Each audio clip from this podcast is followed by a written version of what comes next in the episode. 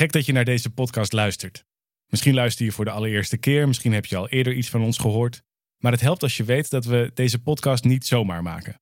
We zijn namelijk op een hele grote missie. En dat is dat Nederland het gelukkigste land van de wereld is. Om dat voor elkaar te krijgen, organiseren we elk jaar een bijzondere opleiding. Er zijn nog een paar plekken voor de opleiding van 2020, dus als je wilt, kun je je nog inschrijven voor 14 februari. Wil je erbij zijn? Check dan onze website of ga naar 365podcast.nl voor meer informatie. Zie je daar.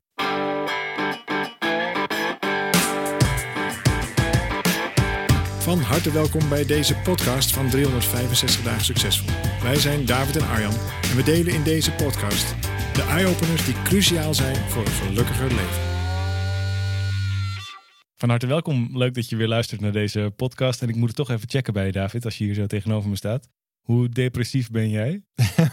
en waar komt deze vraag? Het gaat best goed met me. Waar komt deze vraag vandaan? Nou ja, depressiviteit is misschien een beetje overdreven. Dat is natuurlijk een wat ernstigere stoornis. Maar het blijkt wel zo te zijn dat hier in deze periode van het jaar, volgens mij zelfs maandag de 20ste, als ik het goed zeg, dat dat dan de somberste dag van het jaar is. De, de, de zogenaamde Blue Monday, zoals die uh, nou ja, door veel uh, social media, kranten uh, en andere dingen wordt uitgebuit elk jaar. Ja, dat, dat, dat, ik geloof ook dat het wel iets met marketing te maken heeft. Maar is het niet ook gewoon wetenschappelijk onderzoek geweest? Of zit ik nou mis? Ja, het is, het is natuurlijk nog een beetje discutabel, die hele Blue Monday. Er is een, een psycholoog geweest, volgens mij was het een Brit, die hmm. heeft onderzoek gedaan naar wat is nou een moment dat je zeg maar de, de gelukshormonen van de feestdagen liggen achter je. Uh, je bent er een beetje achter gekomen dat je voornemens van het nieuwe jaar niet uit gaan komen. En daardoor ben je alweer een beetje somberder geworden. En dan is ook nog de volgende zomervakantie heel ver weg. De dagen zijn nog steeds kort. De winter blijkt langer te duren dan je had gedacht. En al dat soort, al dat soort invloeden bij elkaar maken dan samen dat heel specifiek uitgerekend die dag na het weekend. Dat je gewoon je naar je werk sleept in de kou op een winderig perron staat. Dat dat dan de meest depressieve dag van het jaar is. En deze, even kijken, zijn naam is Cliff Arnall, een, eh, een Britse psycholoog. Uh, die heeft ook heel veel kritiek hierop gekregen. Ik denk ook terecht, by the way. Omdat veel mensen zeggen, ja hallo, dit is geen academische formule. Dit is gewoon, en er was volgens mij een reisbureau, Sky Travels of zo. Die wilde graag meer vakanties verkopen in deze periode. En die heeft toen bedacht dat dit een heel goede reden zou zijn om je zomervakantie vast te hmm. boeken. Weet je wat ik denk dat er aan de hand is? Stel dat het echt zo is dat er op die 20 januari, dat dat dan zo'n dag, of in ieder geval dit jaar dan op 20 januari, maar die bewuste maandag. Nou? Je geld is op.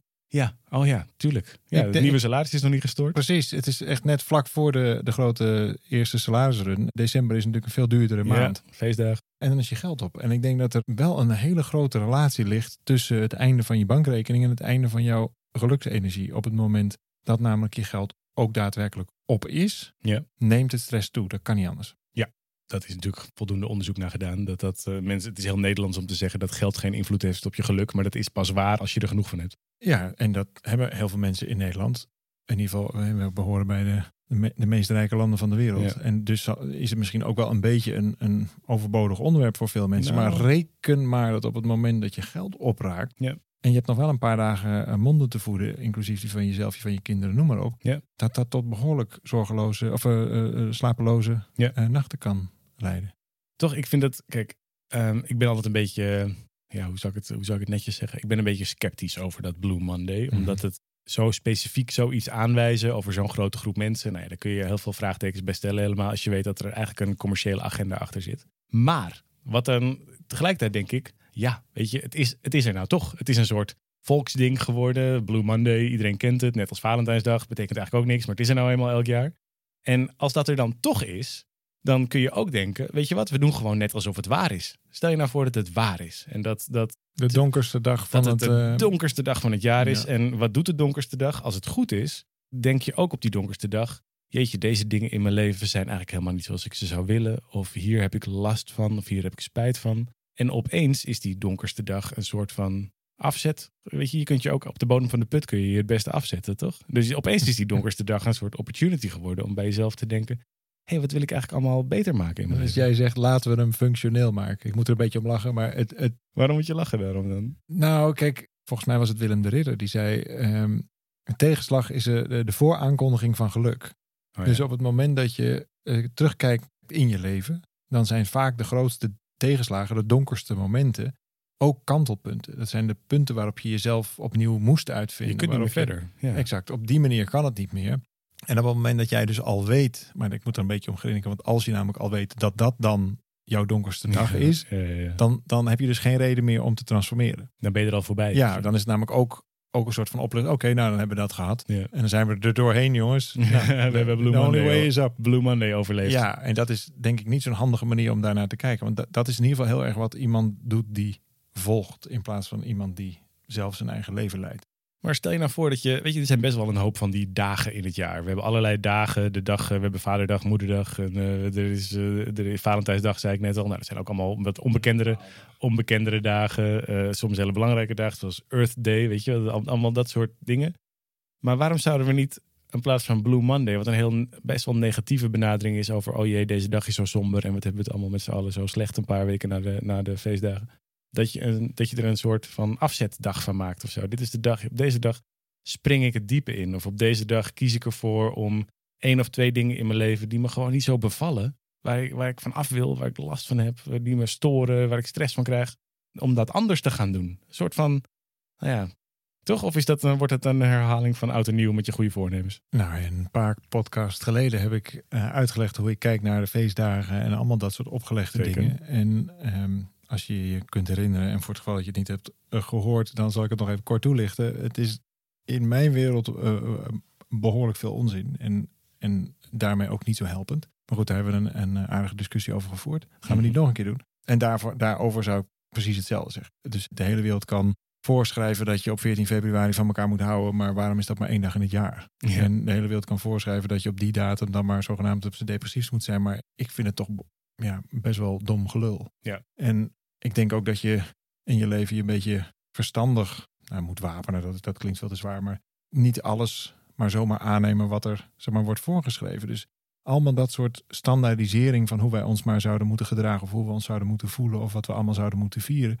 Ja, ik ben daar niet zo'n voorstander van. Nee, ik natuurlijk ook niet. Dat, snap ik ook wel. Daar krijg ik ook jeuk van. Omdat we, we, ja, we zijn ook in dat opzicht autonoom. En als je hier naar luistert, zag je dat waarschijnlijk ook over jezelf. En tegelijkertijd geloof ik ook dat je Kijk, er, bestaat zoiets als een groter systeem. Als een, uh, moet je je voorstellen dat er dus zo'n term, dat Blue Monday, dat wordt door allerlei media of talkshows of uh, kranten, die hebben het daarover. En dat is op een gegeven moment een soort waarheid. En daar kun je dan heel actief tegen vechten of zo. Dat geldt niet voor mij, ik heb daar geen last van, ik doe er niet toe. Of je kunt zeggen, joh, die beweging is er toch. Laat ik dan op die golf van negativiteit over hoe somber die dag is, laat ik daar dan op meesurfen en kijken hoe ik daar dan voor mezelf in mijn eigen leven, op mijn eigen stuk, of in het stuk in mijn gezin, of in mijn familie, of in mijn bedrijf, of waar dan ook, mijn vriendengroep, er iets moois van maak. Snap je? Dan, heb je, dan ontken je niet die hele nou ja, soort van massa-hysterie, maar pak je er juist het goede uit. Nou, wat ik interessant zou vinden is als al dat soort momenten, inclusief je eigen verjaardag, niet meer over jou hoeven gaan. Dus op het moment, wat ik een mooie kerstgedachte zou vinden, is dat je daadwerkelijk iemand uitnodigt om bij je te komen eten die anders alleen zou eten. Dat is volgens mij, voor mij, dan weet, je, weet jij, dat moet je natuurlijk zelf weten, maar voor mij zou dat dan meteen veel meer verrassing, diepgang, betekenis geven. Op Blue Monday zou ik dus niet met mijn eigen tegenslag. Hoe maak je ander gelukkig? Ja, of, of wees dus aanwezig bij iemand die het gewoon zwaar heeft. Mag het een herinnering zijn dat er mensen zijn die het gewoon een stuk zwaarder hebben dan jij.